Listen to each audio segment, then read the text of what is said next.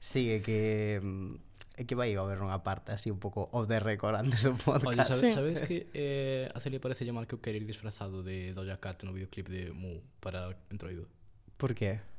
Non me parece mal, solamente que Anxo é o meu único amigo heterosexual e que me diga estas cousas o meu único amigo heterosexual é que parece un pouco heavy. que ir disfrazado de Messi ou algo. de Messi. De Messi molado. ¿Sabes de que podemos ir disfrazados? De que? Tú de Juan Pardo e eu de. Sí quero, Celia. Sí quero. Comprado. Eh, tiñamos un podcast a todo isto. Sí, pues No a ver aquí si- empezando, sí. Sí? Hmm. Vale.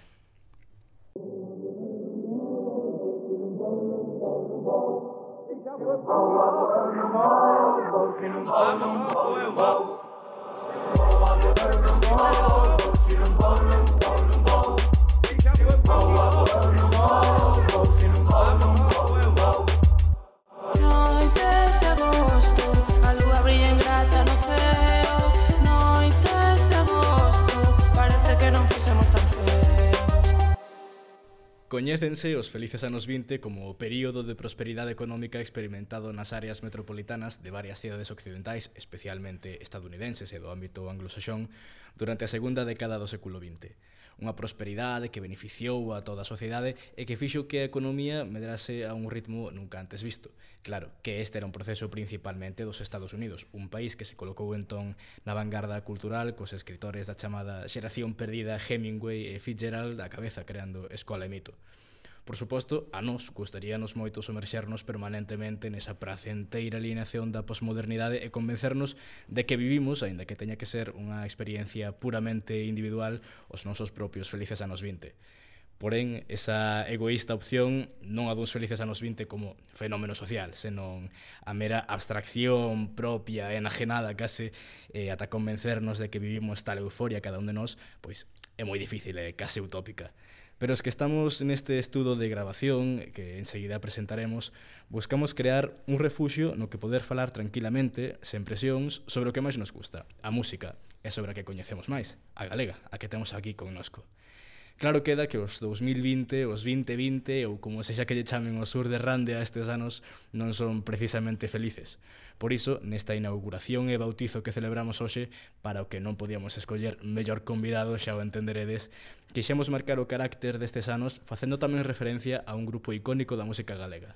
Sen máis dilación, pois, benvidos todos, todas, todes, os violentos anos 20.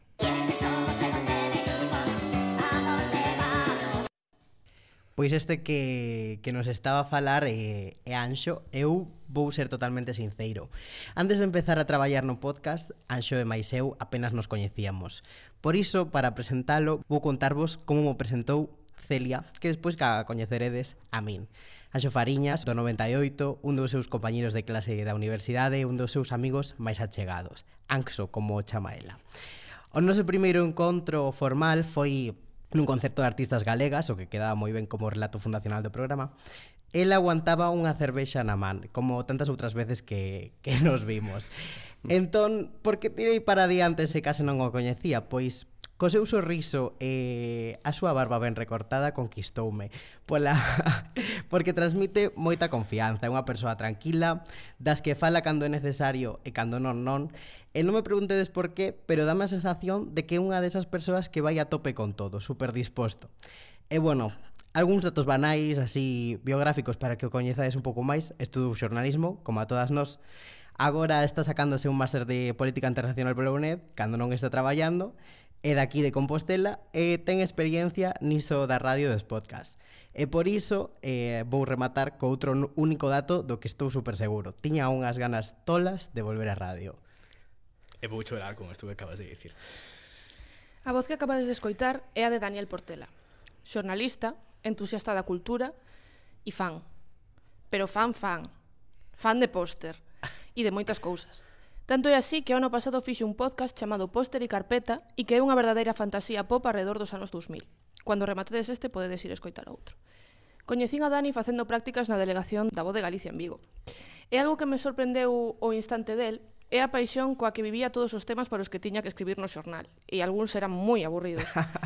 Este entusiasmo innato volca unha actualidade nas súas reportaxes para 20 e a partir de ahora neste novo espazo que con tanto agarimo estamos a argallar.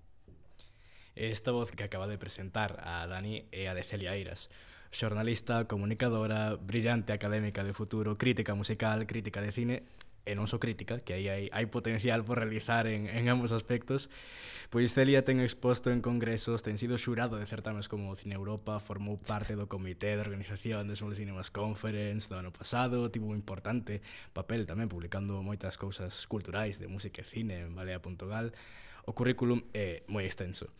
E ademais, como non quero dicir emprendedora, porque ten as connotacións que ten, vou me inventar un termo, eh, Celia é proxectriz. Ten... Entón, ela ten 300 ideas, entre elas a, a que orixina este mesmo podcast e que nos fía a todos nesta situación. Eh, por todo isto e por todo o trasfondo que tes, eu quixenche facer unha comparación real, da realeza mesmo. Para min eres como Felipe VI. Eres Celia preparada. Guau. Wow. Moitas gracias, Anxo. Non, non, non está tan inflado o meu currículo como dis, pero bueno, menos por deixarme facer diante de toda Galicia. Eu non sei quen abdicou, pero agora teño claro que o trono é teu, así que dale, reina. e aquí na escaleta que me pasou Anxo, pon que agora teño que interrumpir, e dicir, que me presenta a min tamén, que me dá moito reparo, pero vou non facer polo ben do programa. Entón, dous puntos, Anxo, e de min non vades falarlo. Eh, eh, eh, Anxo, dous puntos. Nuno, é como non.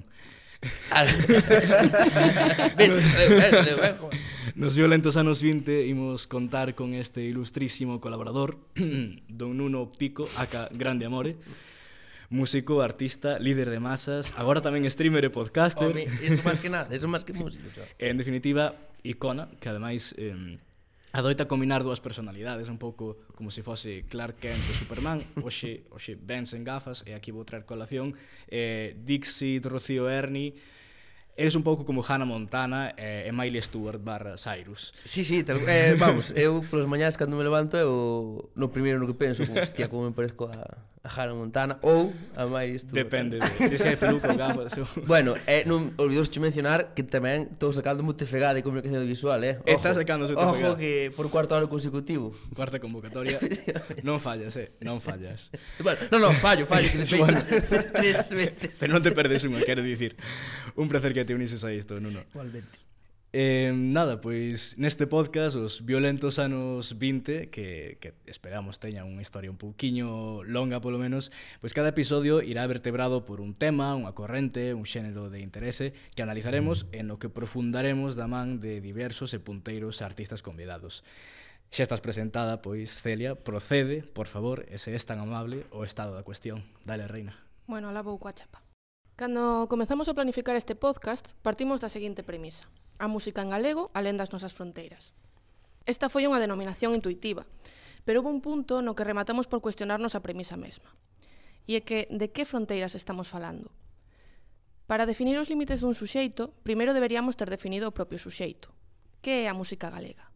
É música feita en Galicia? É música feita por músicas galegas? É música feita en lingua galega? Esta é unha pregunta para que, vamos ser honestas, non temos resposta. Pero intentaremos darlle ao longo deste programa coa axuda dos nosos convidados. Porén, de alguna forma, teño que introducir o tema, porque así se me encomendou, así que imos partir da perspectiva máis pragmática, a xeográfica. A música creada en Galicia, alén das fronteiras xeográficas do país galego. Para documentarme, empreguei en gran medida un fantástico libro escrito por Fernando Fernández Rego e editado por Galaxia, que se titula Unha historia da música en Galicia, Este libro relata con gran detalle os pasos dados pola música galega entre os anos 50 ata hoxe. Evidentemente, antes dos anos 50 facíase música en Galicia, e algunha dela tamén se exportaba fora do país, máis cos efectos da emigración e tamén eh, do exilio por mor da Guerra Civil. Pero foi a finais dos anos 50 cando proliferan no Estado español as pistas de baile e con elas o embrión do pop como fenómeno de masas. Conta Fernández Rego que o arcebispado de Santiago prohibira as actuacións e os bailes na época de Coresma e de Semana Santa – E nestes dous meses de parón forzado, moitas das orquestras galegas se ven obrigadas a sair ao estranxeiro. Os centros e as Irmandades Galegas na diáspora financiaron moitos destes bolos. Nestas xiras internacionais, algunhas orquestras chaman a atención de selos foráneos. Por exemplo, los Zafiros de Ferrol asinan pola discográfica británica Pie Records e los españoles fichan pola filial alemá de Polydor. E incluso chegan a tocar nos Xogos Olímpicos de Tokio no ano 64. España, Alemanha, Xapón igual non é a, a aliñación que me gustaría ver pero... bueno, se falamos de orquestras, lóxicamente temos que falar dos Tamara.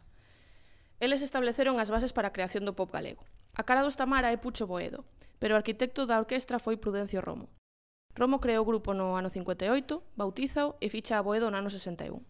Foi tamén quen tomou a decisión de chegar os Tamara á lingua galega. Os inicios da orquestra foron canto menos sorprendentes. No mesmo ano no que nacen, os Tamara embarcanse nunha xira de tres anos polo Magreb. Alí pillaos a Guerra de Independencia de Alxeria e voan de urxencia a Francia, onde comezan a tocar por Europa. Xa con Pucho Boedo na banda, chegan a actuar no prestixioso Olimpia de París. E, de feito, eles foron a segunda formación do Estado español en tocar neste recinto, logo de Lola Flores. Ao longo dos 60 gravan discos como churros e inxírense no circuito español de concertos. Xa Coselo Zafiro, que se encargou de moitas das orquestas do momento, lanza unha cantidade inxente de sinxelos, entre os que está a mítica a Santiago Boi, lanzada no ano 67. A Santiago voy ligerito caminando y con mi paragüitas por si la lluvia me va mojando. A Santiago voy ligerito suspirando por mi niña Carmela que en Compostela me está esperando. Os anos 60 veñen marcados pola popularización progresiva de algúns bens de consumo musical, como son os transistores de radio ou os discos de vinilo, sobre todo os de 7 polgadas, os chiquitos, os EPs. A radio foi o eixo fundamental sobre que se sustentou o arranque da música popular en España. Nos últimos coletazos da década dos 60 cristalízase finalmente a xénese do pop en Galicia. En decembro do 69, o tren de Andrés do Barro chega ao número 1 na lista de éxitos de Radio Nacional de España. Era a primeira canción en galego en conseguilo. No 70, do Barro publica o seu primeiro disco, Me llamo Andrés Lapique do Barro. No álbum incluíase o tren e outros dous temas que tamén chegaron ao número un das listas, Corpiño Xeitoso e San Antón. Dicídeme que coñecedes estes temas, por favor. O sea, son, sí, oh, son míticos. míticos. Pero deste primeiro disco, o corte que me gustaría resaltar é unha canción coa que estou obsesionada, porque me parece realmente rompedora. Podemos corroborar que está obsesionada con esta canción. A ver, sí. un temazo. Un temazo. Sí, oi é Boa Bueu que anticipa a chegada do hip hop a este lado do Atlántico con dúas décadas de antelación.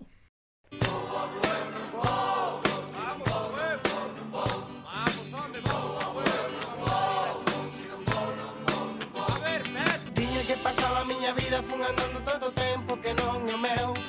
Levaba a súa llama xa sentida que non tiña tempo para esquecer. Ao tempo que non tiña, non tiña, non había tempo para lle falar. Indo pra Bueu non boiña la non tiña tempo pra me escoitar O ano seguinte, Andrés do Barro volve ao número 1 da lista dos 40 principales con Pandeirada, outro temazo. Eh, esta canción está incluída no seu segundo disco, Pum. De feito, este traballo gravouse en Italia e tamén se gravou unha versión en italiano para ser distribuída en Italia, pero finalmente non pasou. A partir de aí, todo vai para baixo na carreira musical de do Barro. As razóns do declive foron ben discutidas ao longo dos anos, pero aquí non nos ocupan. O que sí, quería rematar esta parte dedicada a Andrés cunha cita tomada do libro de Fernández Rego. Eh, leme aí, Anxo, porfa. Por suposto. Andrés conseguiu modernizar moitos aspectos da música galega, posiblemente de forma inconsciente, porque a él as cancións saíanlle soas. Pero os seus achegamentos en galego á bossa nova ou ao folk americano, dende unha perspectiva pop, son vanguardistas na música galega.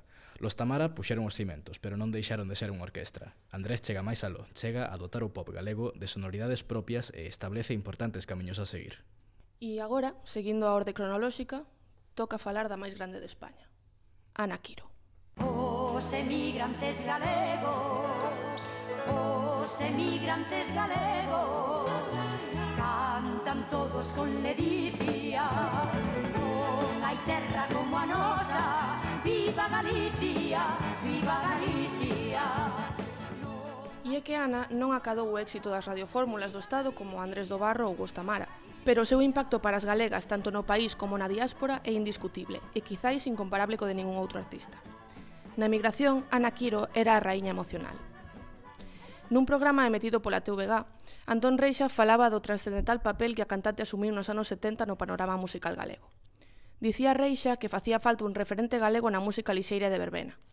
Si ben Pucho Boedo xogou tamén ese papel, Ana Quiro fixo cun maior signo de galeguidade, facendo da cultura e a lingua galegas o seu signo de distinción. Efectivamente, o papel de Andrés do Barro era máis pop. O seu embebemento de tendencias musicais foráneas, guitarras e pianos popeiros e roqueiros, facía o máis exportable a outros públicos xeográficos. Vímolo con Boa Bueu, pero outro exemplo moi bo pode ser Pandeirada. Ana Quiro tamén experimentou e non era para menos dada a súa extensísima discografía. Pero terminantemente, o que queda na memoria popular galega son os, teus, os seus temas máis verbeneiros. Pide o corpo, neniño, estou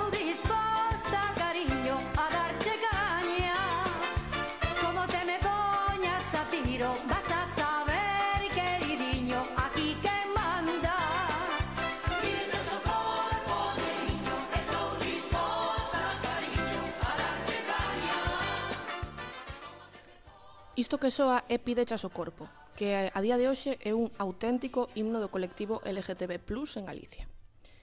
En 1976, Ana Quiro reúne a 24.000 asistentes nun concerto en Caracas. No 71, Andrés do Barro conseguirá reunir a 30.000 persoas nun estadio de fútbol de Bos Aires. Estou tirando datos sobre asistencia a eventos do ano da polca como se si fosen fiables. non o son, pero si sí funcionan como proba do poder de congregación que teñen estas músicas na diáspora nos anos 70. Pucho Boedo cantaba sobre ir camiñando a Compostela baixo a chuvia, Andrés do Barro sobre un tren que nos leva ao noso destino, Ana Quiro sobre cantar a Galicia desde outro lado do mar. Estas cancións apelaban con forza á identidade nacional de milleiros e milleiros de galegas emigradas e permiten que a música galega acceda a unha proxección internacional sen precedentes. Os anos 80 traen a movida viguesa. Asunto que prefiro tocar de refilón con esperanza de que os meus compañeros me permitan facer un monográfico sobre ela no futuro. Bueno, iso haberá que negociarlo. Eu penso que así que vas poder, pero sí, negociamos. Celia, mira, amenazante a anxo a Dani. É un asunto con chicha, eh? É un asunto con chicha, pero Vale, bueno. vale. Bueno, Prosigue. para resumir, Sinistro Total e Golpes Bajos chegaron a tocar en prime time na televisión estatal e no verán de 1976 os resentidos soaron en todos os transistores do Estado con Galicia Caníbal. Nesa mesma década tamén estouparía o folk galego e a música celta, con Luar na Lubre, Milladoiro, Carlos Núñez ou Treixadura, que encabezaron un movimento que marcaría unha época de euro para a nosa fala. Unha boa fornada de grupos galegos iniciaron un sustancioso intercambio cultural con toda Europa. A música tradicional galega non deixou de innovar e de introducir vanguarda. Sobre este tema falaremos próximamente noutro capítulo, pero para ir adiantando, Nomes como Mercedes Peón, Budiño ou o máis recente fenómeno das tanxugueiras renovan o interese na nosa música tanto dentro como fora de Galicia. E aquí ata hoxe, e xa remato porque me estuve enrolando como unha persiana. Quizáis os maiores exemplos de éxito recente de música en galego no exterior e nunha chave máis pop sexan os Berto, con V, Bueno, Berto tamén ten o seu éxito, vale? eh, Berto con B. Coidado que vai escoitar isto, ou non? Berto, te quiero. bueno, Berto con V, Bayuca e Grande Amore. Que no coincidencia. Ah, parece que foi wow. Dios, mira tú. a un nivel máis underground tamén me gustaría recalcar a artistas como, por exemplo, Muncup ou a formación Bifana, que están a sorprender nos circuitos transnacionais, sobre todo en festivais de máis underground. Ao longo deste somero estado da cuestión, deixei fora outros moitos expoñentes relevantes, como Los Suaves, Luz Casal, Los Piratas, Iván Ferreiro, Deluxe Barra, Xoel López. Ben é certo que intentamos primar aquelas artistas e formacións que empregasen a lingua galega, a cultura galega ou os motivos galegos como un signo de distinción. Sexa como for, se me deixei algo importante no tinteiro, seguro que a xente que me acompaña no estudio non la saca a colación. Mm -hmm.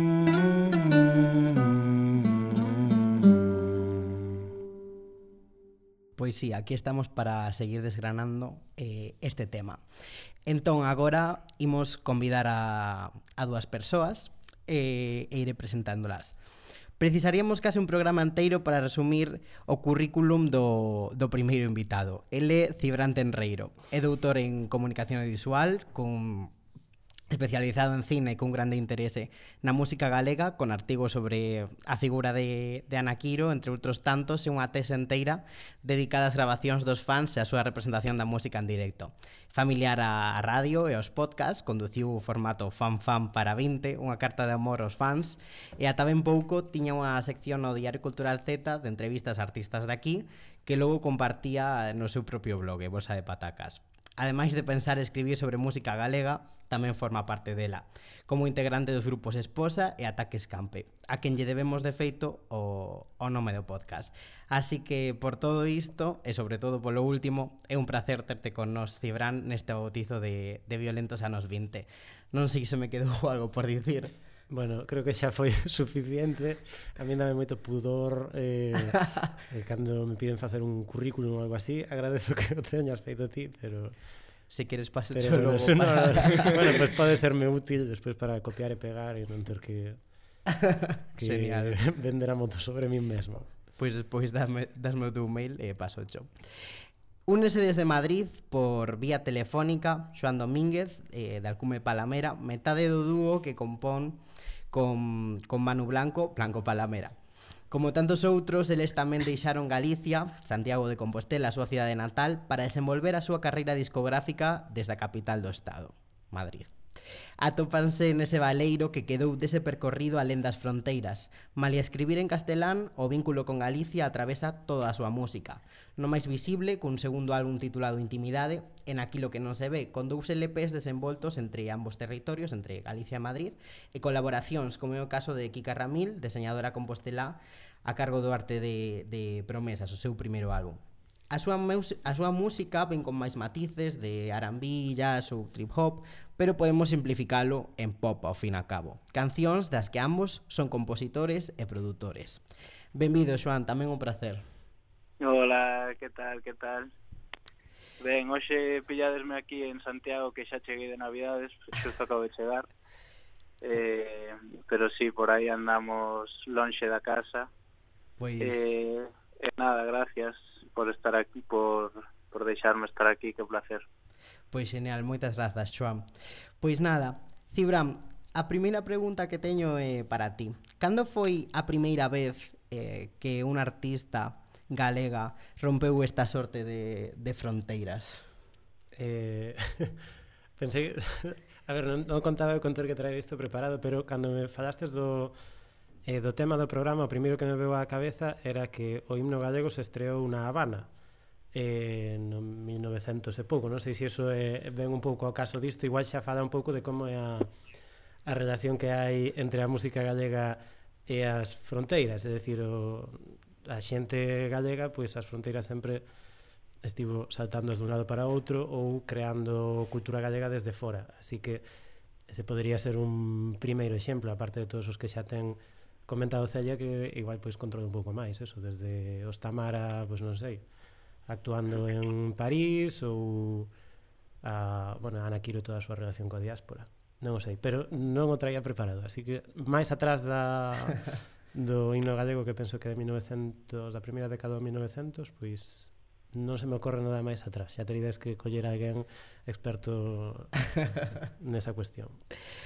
E agora para, para Joan, vos eh, cando sentistes que unha canción vosa traspasara esas fronteiras por, por primeira vez? Polo menos a fronteira que vos tiñades imposta na, na vosa cabeza. Mm, pois eu creo que, que ca salida do, do primeiro disco, sobre todo, cando empezamos a ver que, que a música estaba chegando a máis partes do mundo que, que non eran solo a nosa casa, que non era solo Galicia, que non era solo España, que, que traspasaba fronteiras, e ver que de alguma maneira a música é un linguaxe tan internacional é algo tan tan global, sabes que creo que da igual de de onde veña que sempre vai traspasar todas esas fronteiras. Entón, de repente pois ver desde desde unha vivencia propia que que a música chega e que che que, que, que che mandan mensaxes de todo o mundo onde aprecian o teu traballo, pois dache de que pensar, no? de que eso de que é algo tan transversal e tan universal que bueno, que é único e precioso eso. Hmm. Vos xa facíades música desde, desde que erades adolescentes, desde os 14 anos, se non, se non me equivoco, eh, e tivestes eh, outros proxectos musicais antes. Como foi esta xestación de, de Blanco Palamera hasta que ata que traspasades pois a primeira fronteira da, a local, a da cidade de Santiago de Compostela? Pois Blanco Palamera realmente xa o creamos fora de, de Santiago, porque nós cando, cando saímos por primeira vez eh, foi cun proxecto que teñamos xa mano máis eu, pero no que cantábamos en inglés, facíamos unha música que nese momento nos representaba, pero despois unha vez marchamos xa empezamos a pensar un pouco na, máis na nosa identidade, de onde viñamos, eh, en que idioma falamos habitualmente que de que maneira queremos transmitir as nosas emocións, as nosas vivencias. Eh, e foi en Madrid cando cando estábamos vivindo xuntos o primeiro ano cando decidimos eh, crear este proxecto Blanco Palamera e falar pois bueno, nos falamos en castelán entre nós eh, pero bueno, cantamos eh, en castelán e aí foi un pois, non sei, un golpe de realidade tamén de imos sernos 100%, expresarnos 100% a nosa forma e, e creamos Blanco Palamera aí. Esa marcha a Madrid foi por algún motivo? Eh, bueno, foi sobre todo por, por tema de expansión, porque xa levamos tempo aquí en Santiago ca música eh, desde moi desde moi pequenos e eh, fixemos un viaxe a Madrid para gravar aí un EP con un colega eh, Estivemos aí un, unha semana e vimos o, a cantidad de movimento que había, a cantidad de xente a que podíamos traballar, a que nos podíamos xuntar. E foi, pois, eso, un pouco tamén unha vía de escape porque víamos que aquí igual non podíamos ter todo o alcance que, que queríamos e, e a ambición necesitaba, pois, un espazo máis grande. E por eso, pois, unha, entre eso e ganas de salir da casa tamén, de de marchar, de coñecer cousas novas, pois un pouco un pouco todo que se, que se xuntou. Esta vai para ambos. É preciso falar dun éxito externo ou apoiarnos en criterios externos para falar de música alén das fronteiras? Acostumamos a facelo, non si, Cibran?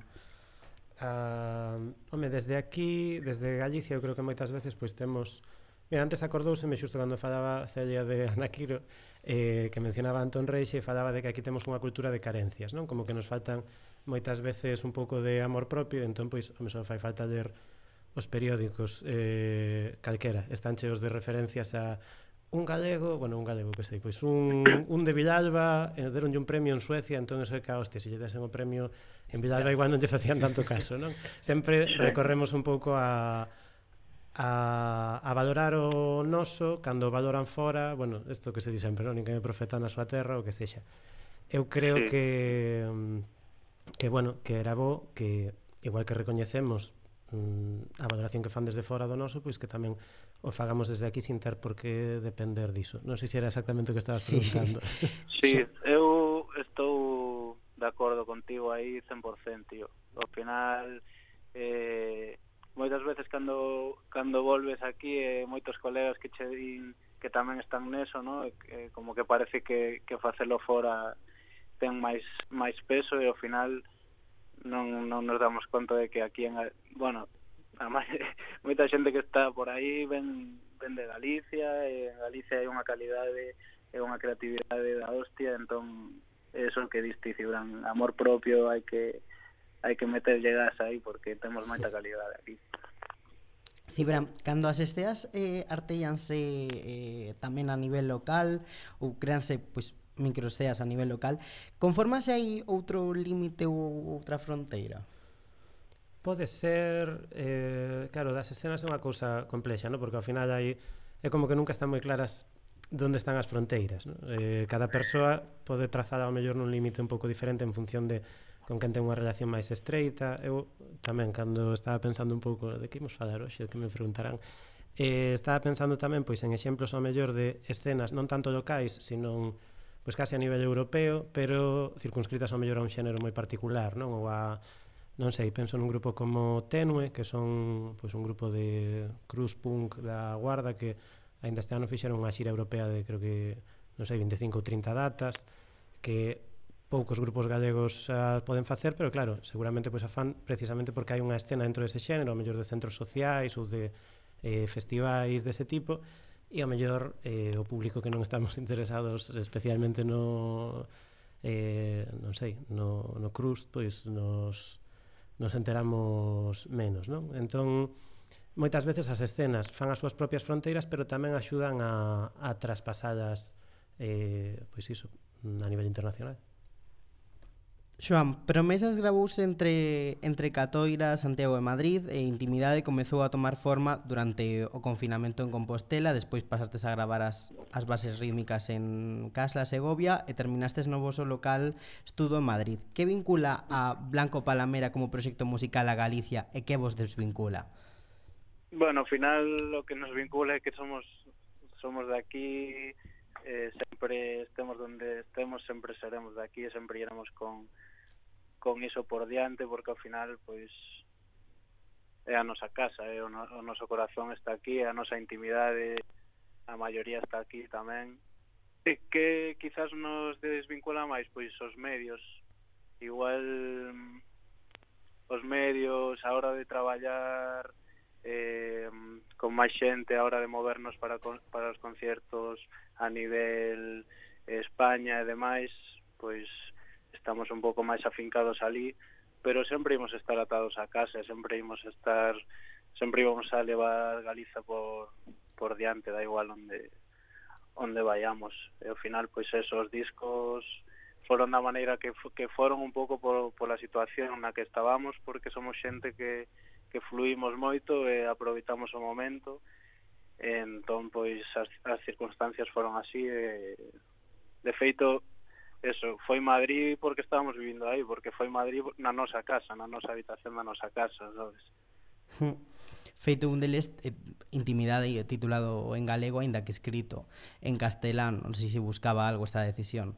Eh, bueno, ao final as letras salen, xa che digo, nós entre nós eu sempre falamos, no? Que ao final, pois é unha casa falo en galego co meu pai, en castelán ca miña nai, cando nos coñecemos mano máis eu eh, coñecémonos falando castelán eu creo que xa da maneira que coñeces a alguén pois xa afecta un pouco o resto da relación. E a maneira na que nos comunicamos normalmente en castelán por eso as letras si están en castelán pero a, a intimidade xusto onde se se creou e onde o concepto colleu forma foi na casa de Santiago eh, na intimidade o que che digo que sempre vai vir na nosa casa e a nosa casa está aquí.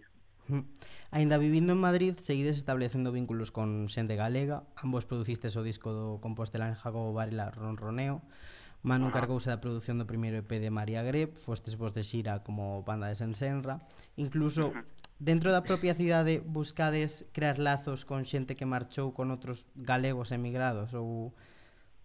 Bueno, é algo que que surxe de maneira natural ao final todos esos proxectos cos que traballamos son familia nosa, son colegas nosos que xa tiñamos de aquí.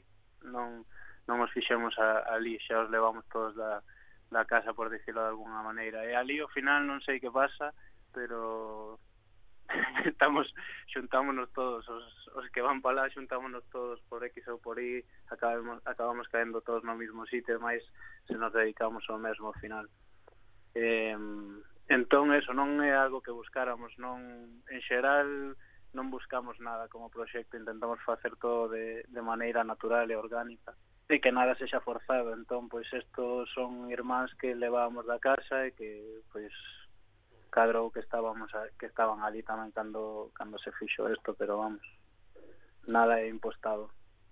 Cibra, antes eh, faláramos de que ti conduciras eh, Fanfan, un podcast onde o centro non é a canción, senón o que se fai con ela. Que tan importante é o público ou o fan no percorrido dunha canción é precisamente para traspasar esas fronteiras? Home, eu creo que é moito. Eh, pero claro, eh, é difícil dicilo así en xeral. Para min o que lle dá sentido á música pop é precisamente que unha expresión popular que a xente a fai súa e que as cancións se convirten nunha cousa pois que escapa moito do control da persoa que a fixo, non? E, pero claro, eu que sei, bueno, non sei se cando Ana Quiro fixo Pitechas o corpo contaba con que fose, como dicides vos, pois un himno LGTB+, non? Eh, son cosas que, que pasan e que lle dan a dimensión para mí moitas veces máis interesante, non? De cando ti xa dicindo eu pois como ointe, non? Como público en xeral. Claro, eu que sei, hai millóns de cancións boas, pero despois cales son as túas favoritas? Pois son porque algo che fai clic, te identificas de alguma maneira, non porque sexan mellores ou peores porque hai algo que lle podes poñer unha nota e facer que sexa máis especial, non? Sino por como eh, bueno, como a xente as fai súas. Respecto a que eso circule fora, pois mm, claro, non o sei. Isto igual podes falar máis adiante con máis calma, pero claro, en algúns casos creo que pues, esa comunidade galega pues, fa, fixo súas certas cancións precisamente por esa identificación ao mellor con, coa temática ou con ou coa lingua, ás veces, co relato que se fai mm, e que eso pode axudar a que funcionen pero eso igual pode falar mellor Joan si está el na, na diáspora non? Está en Madrid, non sei se si pesa moito a morriña, se si desde allí se escoita eh, a música galega dunha forma distinta da que a escoitamos desde aquí. Eu cando estive vivindo fora, sí que, ainda que son como unha cousa máis tópica, para min recordo, por exemplo, un tempo que estivera dunha estadía no Reino Unido, saíra a Agricultura Libre de Millo José e eu estaba escoitando como eh, crying... No? Joder, absoluto ese. Mm. Entón poderíamos case dicir que pois a identidade dunha canción se, se reinterpreta cando, cando chega. E aquí chega a, a última pregunta, máis complicada de todas, pero a que nos ocupa.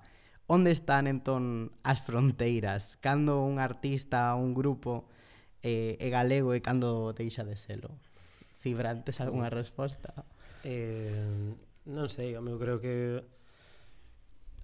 a, postos a pensar as fronteiras, pois mellor non ser moi excluintes, non? Para min todas esas definicións que se poden tomar é como alguén que fai música en Galicia, mesmo se non naceu aquí, pois eu que sei, eu estaba pensando en todos estes anos que estivo aquí vivindo eh, Aries, non? Eh, Isa Fernández Reviriego, que para min facía como unha parte, a parte importante, non? Da escena gallega, pois en Vigo ou alrededor do Liceo Mutante tamén. Eh, nese caso, pois eu a súa música tomaba como música galega en daquela sexa vasca, non? Eh, ou mm, un cub, non? Que cando foi o programa este de dados de un país para escucharlo, ela foi a única que falou galego no, no programa. Eh, ya, é francesa, non? Claro, eh, pero bueno, ao final é como, claro, non sei se ten moito sentido que poñamos moitas fronteiras, se si hai alguén galego que identifica unha determinada música como propia, pois bueno, eu creo que está ben, non sei... Mm, Ademais, claro, como a cultura colle elementos de tantas cousas e de tantos lugares, pois é un pouco difícil. Sí que penso que ás veces pois podemos identificar certas cousas porque desde aquí pois mm, non sei, a nivel lingüístico, a nivel de debilidade da industria cultural ou que sexa, estamos nunha posición de debilidade, entón ás veces, pois, bueno, sí que temos que mirar un pouco polo, polo propio un pouco máis, poñelo en valor, pero non sei, non me atrevo a, a dicir cando algo deixe, é ou deixa de ser galego. Para min pode ser por moitos elementos, por facelo desde aquí, por ser de aquí, eh, por usar o galego ou por... non sei, que se vos ocorra. Xoan, para ti sí. onde están as fronteiras? Na, eu, vamos, 100% aí co que dice Bran, eh, o sea, tope con todo eso. Non hai... Na música e na vida non non hai fronteiras e as que hai non debería de haber e eh, que considere que fai pois a música galega ou por decirlo así, pois benvido sea eh, quen considere que fai o que sexa ben, benvido sexa tamén. Entón, non sei sen fronteiras, amor, música e, e vida, non hai máis. Ao final, non sei, isto de etiquetar as cousas nunca fomos moi fans. Pois pechamos este bloque, pero non será antes eh, despedir a Xoan e preguntarlle que pregunta nos deixa para que intentamos intentemos respondela a nos como un pacto xusto por, por estas preguntas que acabamos de facerlle. Eh, pois non sei que que considerades vos fago a mesma pregunta a ti. que, consi que considerades vos como ou que, que opinión tedes sobre eso? Credes que sí que existen fronteiras e que sí que hai que definir que definir algo como música galega ou ou é todo transversal e universal? Pois moitas grazas, eh, Joan, de, despedimoste. Moitas grazas por, por, ter, eh, por ternos acompañados e continuamos agora con, con, con Cibran e con uno que vai unirse á conversa. Moi ben, moitas gracias. Aperta, Joan. Chao. Ah, a, chao. Entón, Cibran, cal é a túa pregunta? A miña pregunta, bueno, máis ou menos xa fomos falando un pouco deso. Traía dúas por si acaso. Así que digo vos as dúas, non sei. Eh, unha era, eh, canto pesa hoxe en día a diáspora galega a hora de que a música circule fora? e a outra é canto influe a lingua nesa circulación da música fora. Pois comezamos a, a falar sobre, sobre estas cuestións que nos deixaron na mesa.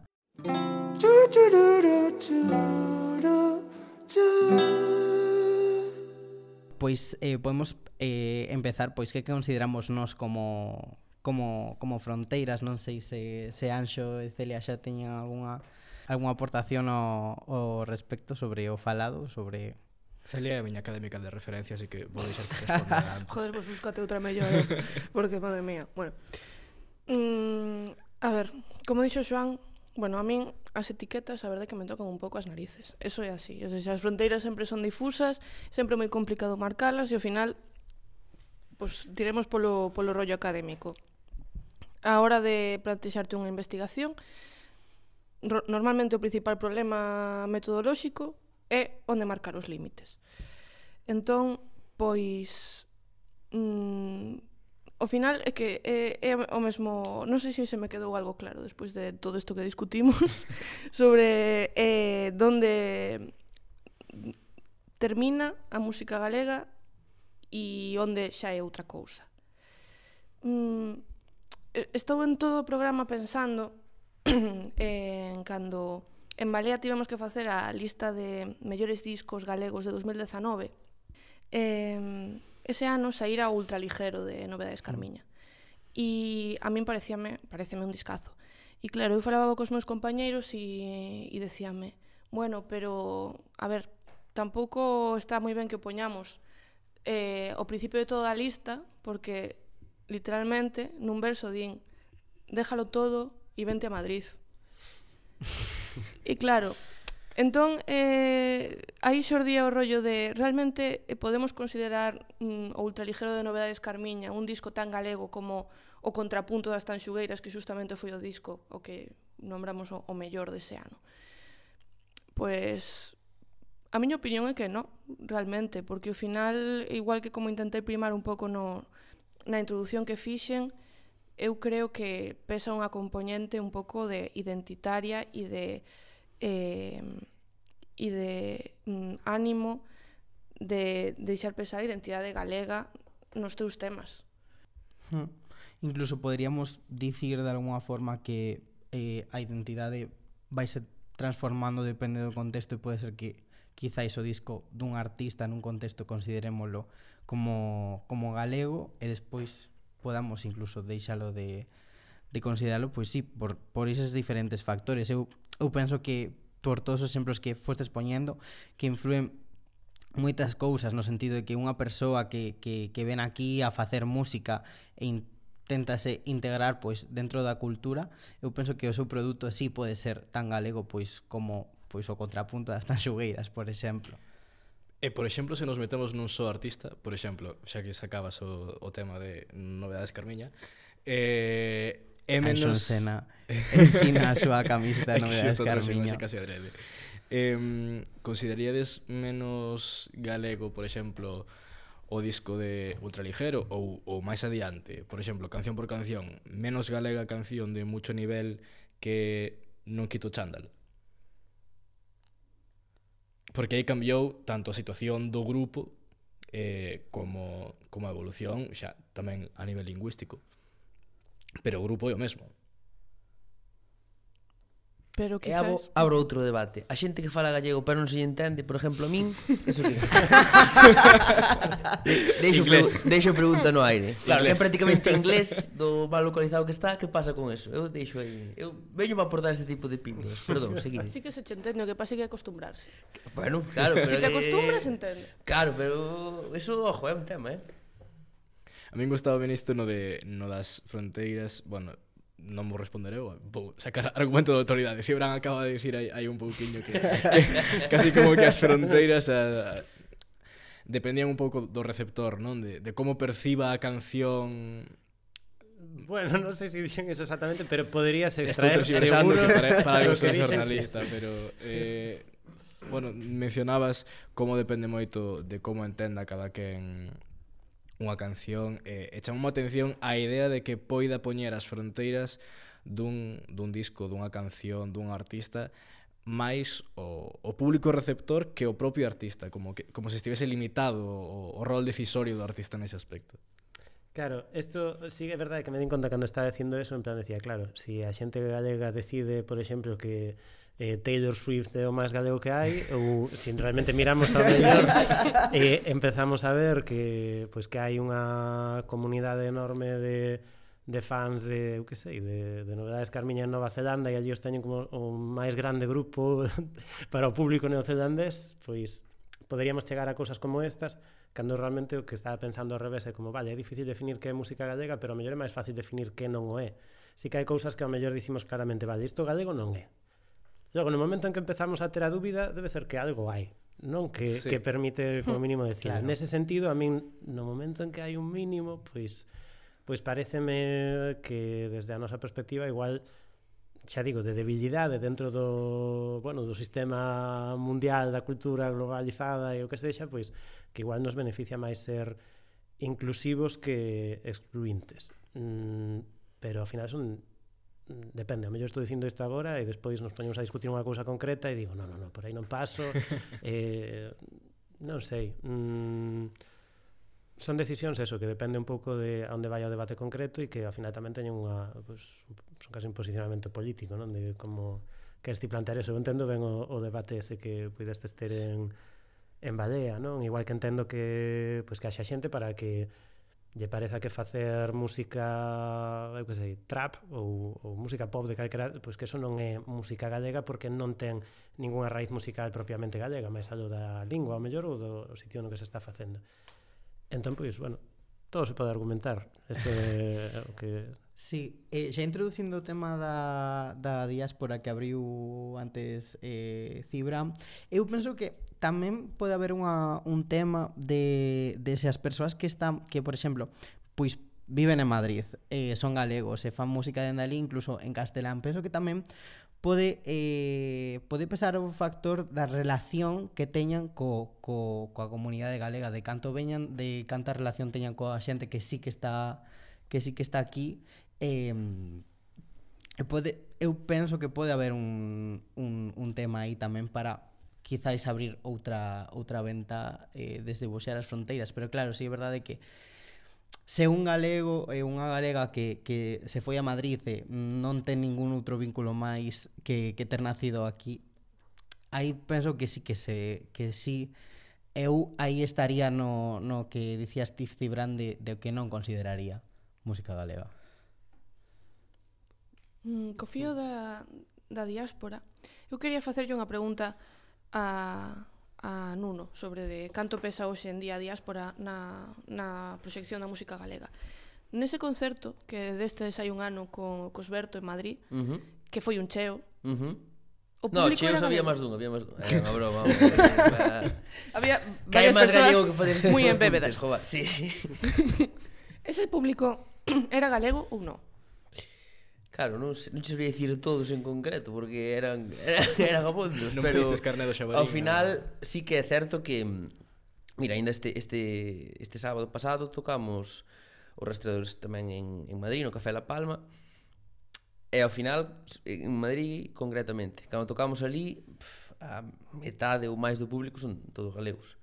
De feito, houve ali todo condicionado, digo, me cago en tal, vou ter que traer falando castelán, que se me dá fatal, que, que, que, que parezo tonto, ah, tal. Estou aí todo atormentado, e a cuarta canción, xente, pero fala galego, oh, tal. Pero claro, porque iso, a mitad son son daqui, pero os que están en, en, en Madrid. Eu creo que en Madrid, eh, en xeral, en todos lados hai 4 ou 5 galegos eh, nos concertos, por lo menos. Pero, pero en Madrid sí que sí que eu noto que sí que moita da xente, por lo menos, claro, no noso caso, son do público sí que son galegos, sí, sí. Italianos por mando do Lore non, non tiveste. No, ainda non, ainda non chegamos a ese estar, pero bueno, a ver, oja, igual en algún momento, pero en principio son, jova, eu que sei, xente de Ribeira que está estudiando en Madrid, sí, o. Sempre, se, quer dizer, a, a, no noso caso, polo menos, a maior parte do, do público, a impresión que teño eu é que son, vamos, galegos, sí. Bueno, entón confirmamos, os galegos enchen locais en Madrid para ver a Nuno Pico. No, bueno, eh, a má xente, eh. Non.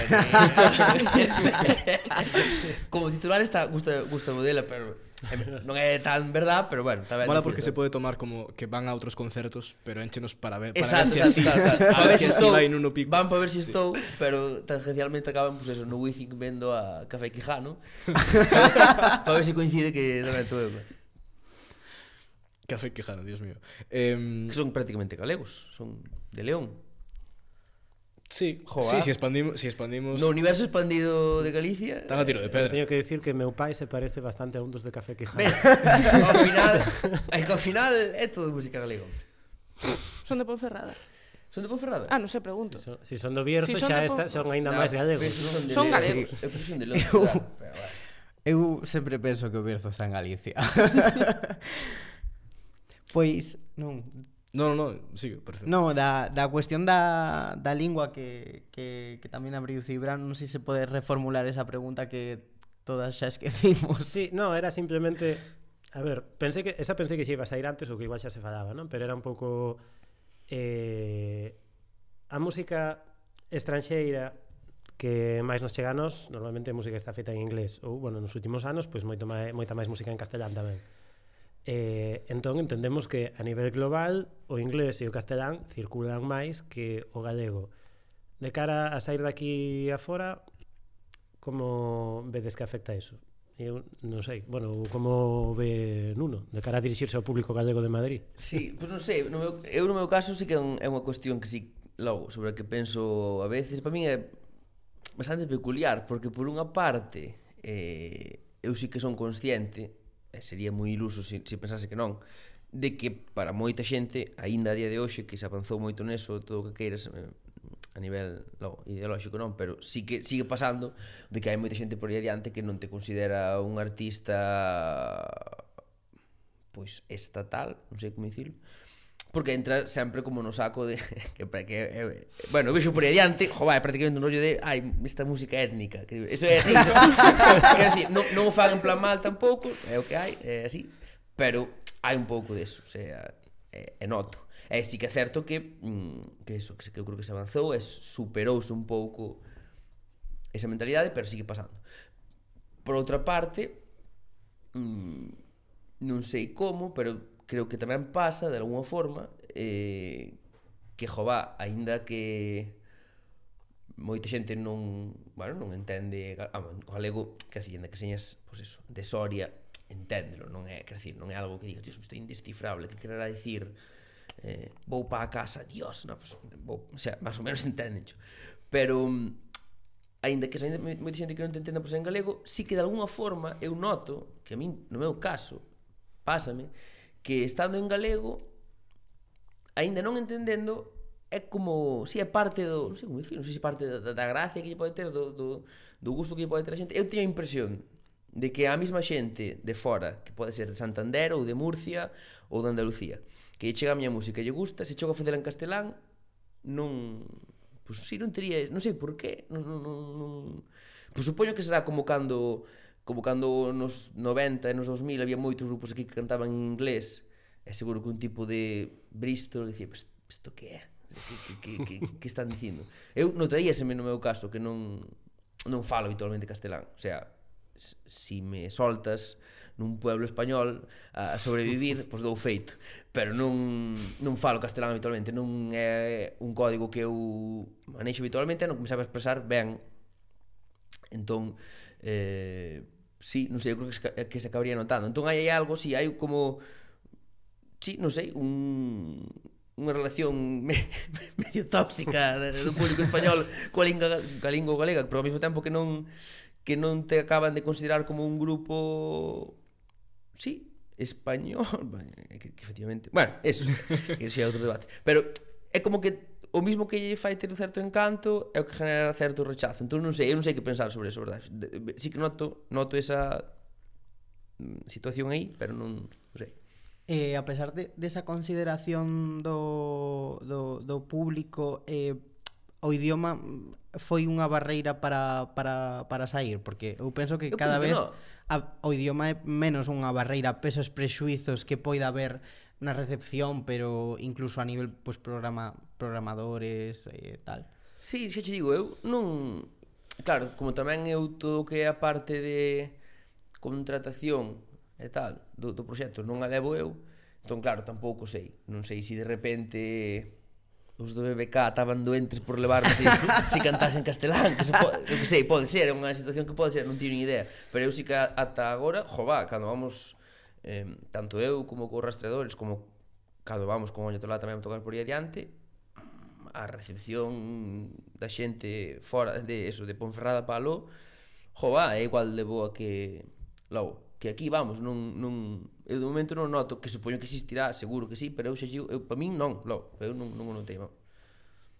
Que a mellor sí que ten ese punto que decías como de que permite distinguir os proxectos daqui de outros sí, que eu, podan eu, ser similares. Penso que sí. Pero claro, isto tamén dentro de eh, do Estado español. Claro. Eh, non sei, por exemplo, eh, como é, porque a verdade non se me ocorre ahora ningún caso así de éxito, pero que ao mellor o hai, pois como a relación da música en galego coa, cos países da lusofonía, por exemplo. Xa. Que que a priori a nivel lingüístico podía haber facilidades para iso, pero moitas veces tamén parece un pouco estar de, de costas, non? Mm. Mm, claro que está máis preto de Portugal, supoño que debería ser máis natural, pero tampouco me dá a sensación de que os grupos galegos cando saen, saian cara a Portugal, saen máis ben no, cara, cara sí, a Madrid, sí, cara sí, sí. a hmm. Barcelona e, e demais, non sei que pensades vos? Sí, eu penso que un pouco, e isto mm, dende sempre, as ansias de exportación da música galega sempre foron cara ao Estado, non foron cara Portugal ou, ou cara ao mundo, por exemplo, mírase claramente, e eu non quería falar de, de, da movida viguesa, pero teño que falar da movida viguesa, eh, nos 80, cando foron todos estes grupos, Golpes Bajos, Sinestro Total, Aerolíneas Federales, había un claro interese en irse para Madrid e en establecer unha forte conexión como vida madrileña e incluso, bueno, xa temos todo o, o rollo este de eh, movida escríbese con, con V de Vigo e o mm. tren e tal, e establecer conexións e ao final todos estes grupos o que querían eran ter unha proxección estatal.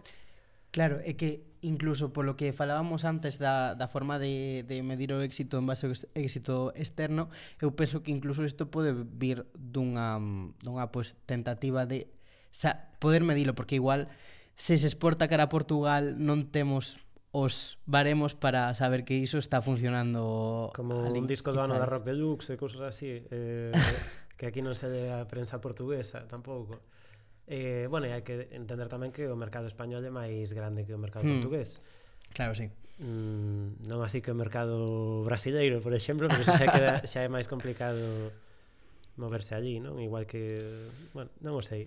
No, a mí simplemente é unha cousa que me chama un pouco a atención porque, claro, evidentemente, pois non sei como se fai, como se traballa iso, nin, nin se hai alguén que está facendo dunha maneira máis ou menos activa, así que non sei, eu con grupos previos algunha vez de ir tocar a Portugal, pois ou de traer grupos cando estaba no colectivo porno, grupos portugueses, así que me chamaba a atención que había moitos que cantaban en inglés, allí tamén terán as súas eh, movidas lingüísticas propias, Eh, pero bueno, mm, parecía unha cuestión que de cara a falar da, da música gallega mm, fora de Galicia, pois que que era importante tratar. E ainda sin chegar a ninguna conclusión clara porque eu penso máis ou menos como Nuno e como para algunhas cousas ou para algúns públicos pode ser bo e pode facer mm. unha distinción e para outra xente pois pode ser un rexeitamento porque ou, ou incluso peor ese rollo como convertirlo en algo exótico e sí, eu noto, world music. Eu, eu noto moitísimo, eh. eh? eso está, eu creo que está pasando un pouco agora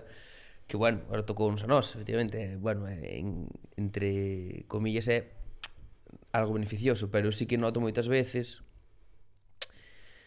bueno, pois pues que sí que hai moito eso de, ah, pois pues que simpático este gallego que, mira que música hace, mira que, que, que enrollado, pero ao final esa xente está na súa casa escoitando La Paloma. E fan ben, eh? É top, sabes? Pero van, van escoitar La Paloma, non te van escoitar a ti. A ti, tangencialmente, eso sí, poden te ver nun fest e tal. Anda, mira que, mira, que, que estará diciendo? Como será su día a día? Cazarán aún, pero, bueno, supongo que tamén é inevitable, quer decir, son dinámicas que, le, que levará vendo eh, en España pois, moito tempo, agora polo menos pois, estamos ali tocando, quer decir, é, polo, polo menos é eso, eu que sei. Chámame tamén a atención como pode ser a relación eh, en este aspecto con eh, pois Euskal Herria, Cataluña, Comunidade Valenciana, bueno, dixen Euskal Herria podía decir países eh, cataláns, pero bueno. Eh, Vos que tedes Spotify para artistas, non sei se vos parastes a mirar algún momento de onde os veñen as fontes dos ouvintes. Sí, sí, eu, eu eh, a, a, a, a, a, a, a, a, a, a, a, a, a, a, a, Pero claro, tamén, porque falábamos antes, que Madrid sí. está cheo de galegos, entón, claro, tampouco é... Está cheo de galegos é só o Madrid xa ten pues, o doble de población que toda Galicia, entón, claro, influe. Pero, si, sí, no meu caso, de onde máis de Madrid, é o segundo de Barcelona, e despois penso que Bilbao, ou cousa así. O sea, Galicia, o que é Galicia core, ven de cuarto ou quinto, o sea, as cidades galegas ven de cuarto ou quinto sitio, polo menos. Sí. Pero bueno, xa te digo tamén porque, jova, todas esas cidades sí. son moi grandes, entón... Claro non é lo, normal, vamos. Ten que haber un, un galego, galega. Si, sí, oh, seguro, vamos. Sí, sí, sí. Eu non sei que eu non... Se me avisarades antes, pero eu non, non, non miro as estadísticas estas eh, do, do Spotify, así que non che sei dicir onde se, se, se escoita máis ataques cambio, onde se escoita máis esposa, que ahora mismo pues, non creo que haxa moita xente eh, escoitando esposa no Spotify, non mirei as estadísticas tampouco de, de ointes mensuais, pero bueno, mm, mm non creo tampouco que teña moito que ver. Refíreste polo tema de si en Euskal Herria pois teño unha sensibilidade especial para artistas do Se outra... algún tipo de empatía. Pode ser que empatía haxa igual con respecto pois a mellor a tecer redes entre grupos e cousas polo estilo. Recordo, a ver, non sei, este ano din o, a historia oral dos diplomáticos de Monte Alto e falaban moito de que eles tiñan moito vínculo cos grupos vascos con e bueno, toda esa xente de Negu Gorria que demais pois tiña tamén moito vínculo cos resentidos Eh, cando Reixa despois montara Nación Reixa, pois era con Kaki Arcarazo, que era o outro, o seu produtor así daquela escena e tal. E entón iso pois axudabas de cara a facer xiras ou de cara a ter un público allí que sí que tiña certa afinidade, pero non sei, ao final eu tamén penso e digo, va, tampouco eu escoito pois máis música en euskera ou máis música en catalán por escoitar moita música en gallego. Claro. Igual eh, sería máis bonito se fose o caso, pero pero non sei canto será despois a Home, sí que é, é certo que despois sí que vai haber certas cousas que van entendelas mm, mellor porque saben o que é estar nun, nun país bilingüe, pero pero bueno, igual tamén en Madrid cada vez a xente se sorprende menos, como dicía Nuno antes. Non sei. Que isto tamén é cíclico, eh? dicimos cada vez se sorprende menos, pero de repente dentro de cinco anos volve a a todo o mundo querer ser como Franz Ferdinand ou os Strokes tal, ser totalmente anglófilo e adiós, o sea, todo isto que parece tú que pensas que son avances eh, inmutables mm. volve a perderse. Eu creo que sí que agora neste momento sí que está mm, bueno, a recepción eso da música en galego está nun momento moi moi doce, vamos, máis que nunca, eh, que eu sepa, no. E a e a produción tamén, igual é un pouco a diferencia, claro. no? Porque igual sí que podíamos falar deste tema cíclico se pensamos, bueno, Andrés do Barro número 1 sí. nos 70 Despois, mm. no, nos 80, bueno, igual está todo o rollo este do folk de Millo mm. Cao e de Milladoiro e demais, pero xa é outro rollo. Despois, os resentidos, vale, disco do ano na Rock Deluxe e tamén, non recordo se foi a número un con Galicia Caníbal, pero bueno. Mm, foron, creo que sí, sí. Pero bueno, despois como que nos 90 sí. ou 2000 así a cousa volvira un pouco a menos, entón sí que se podería ver que é cíclico. O que pasa é que Mm, tanta xente facendo tanta música en galego de tantos estilos igual pois pues antes non había porque tamén era moito máis difícil eh, autoproducirte e uh este tipo de cousas entón non sei, pero tamén a saber onde estamos aquí dentro de Claro, claro. O mellor o galego é como das guitarras que van e volven, non? No, no, claro, claro. Eu, vamos, supoño que algo diso, a verdad, crecer todos estes grupos eh, jová cataláns que tiñan moitísimo moitísima visibilidade fai uns anos que, bueno, digo xo que sei, Zou, por exemplo, eh, jová, siguen tendo... Hostia, son, son, son valencianos, son, non? Valencianos, sí. Uf, ves, desconocimiento absoluto de, de España, chaval, madre mía. Eh, quer decir, que sí que houbo mm, ou que grupos como Manel, que, bueno, que sí, Manel sigue entendo, pero claro, dache a impresión de que a día de hoxe o que fai uns anos, por menos cando, eso, cando empecé a, a carreira, o que era o foco estaba posto en Cataluña, ahora parece que está posto máis en, en Galicia. Claro, quen sabe se de repente vai ser, pues, que sei, dentro de 4 anos en Aragón, é que son un, claro, moi difícil de, de, de saber, claro, sí, sí. Pois con todas estas caixas abertas, eh, ninguna das persoas que me acompañan quere engadir Nada máis, pechamos pois este tema antes de, da, da, das aportacións que de Nuno que non sei que con que tema nos, nos vai vir sí, con noso colaborador especial Home.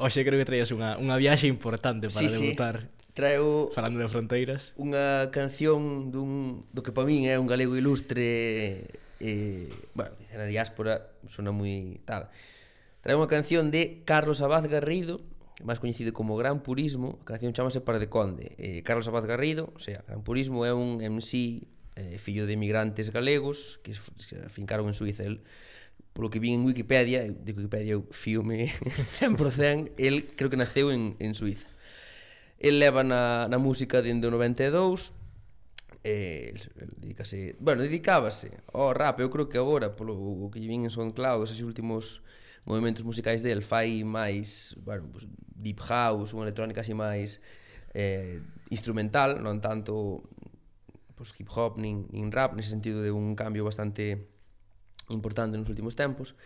El, bueno, pues, eh, eso nos seus inicios era MC, Eh, colaborou no disco de 2001 Vicios e Virtudes de Virodores del Verso co tema Sui Zaragoza colaborou tamén con Jace, con R de Rumba con Quilate e a canción esta par de Conde eh, pertence á súa mixtape Spitfire do 2007 o sample de piano sobre o que se construía esta canción é mm, originario dun tema que se chama Be Real Black for Me de Roberta Flack e Donny Hathaway do ano 72 e como curiosidade é o mesmo sample de piano que se usa na canción On My Block de, do MC Scarface do ano 2002 Curiosamente, nesta canción, Scarface fala pois, do seu barrio. Eh, fai, eh, estuve vendo o videoclip estes días e fai moita gracia porque é o típico, pois, como barrio barrio do GTA, sabes, tal cual. Fai, fai moita gracia como tópico de videoclip eh, rapero.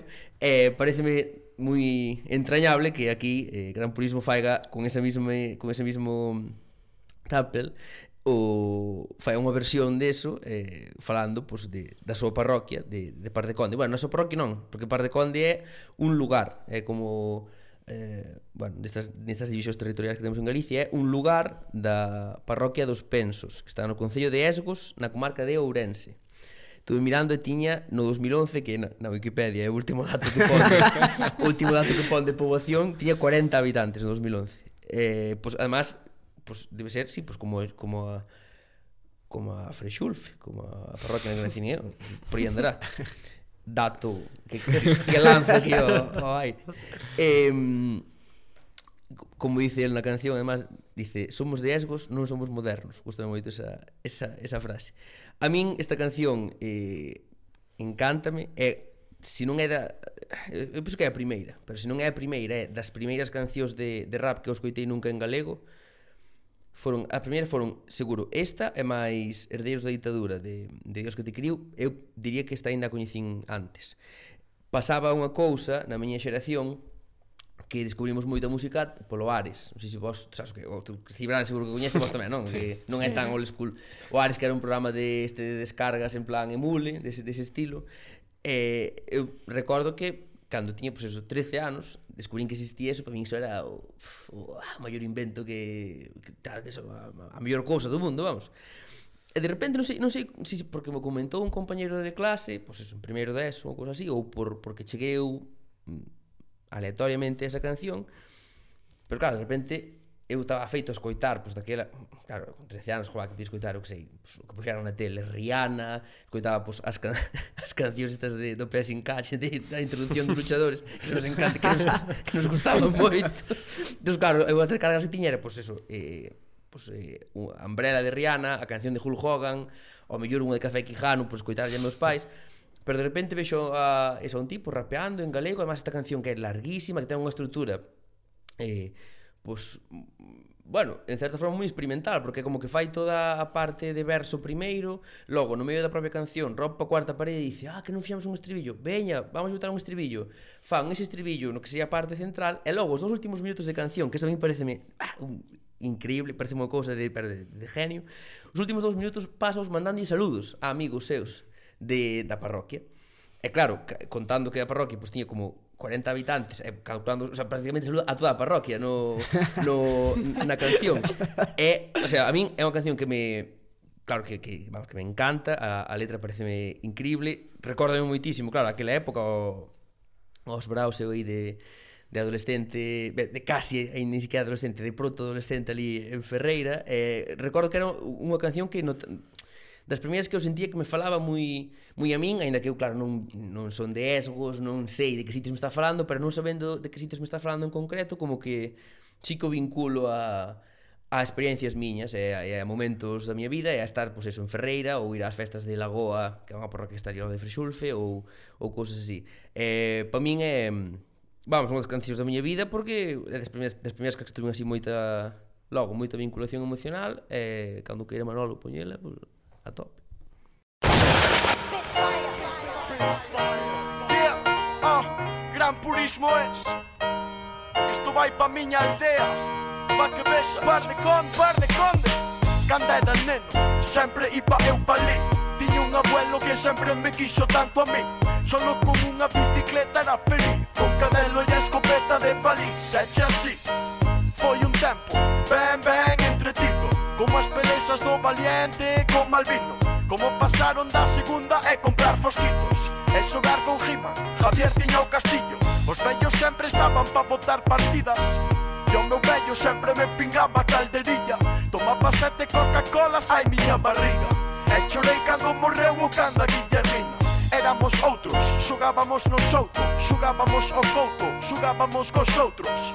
Xugamos ao balón e se rebota contra a pedra Vai parar no pozo ou a portal da campecha O corral do cesario ou a ventana da malha Ou pola aira baixo do José das sandalias. Se date conta que os balóns sempre baixan lanzados.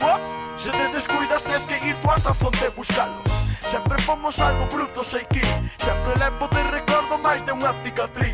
Sempre fomos todos guapos sei que poido decir Que máis de unha moza podo ser actriz. Eche así Nada inventado, todo verdadeiro.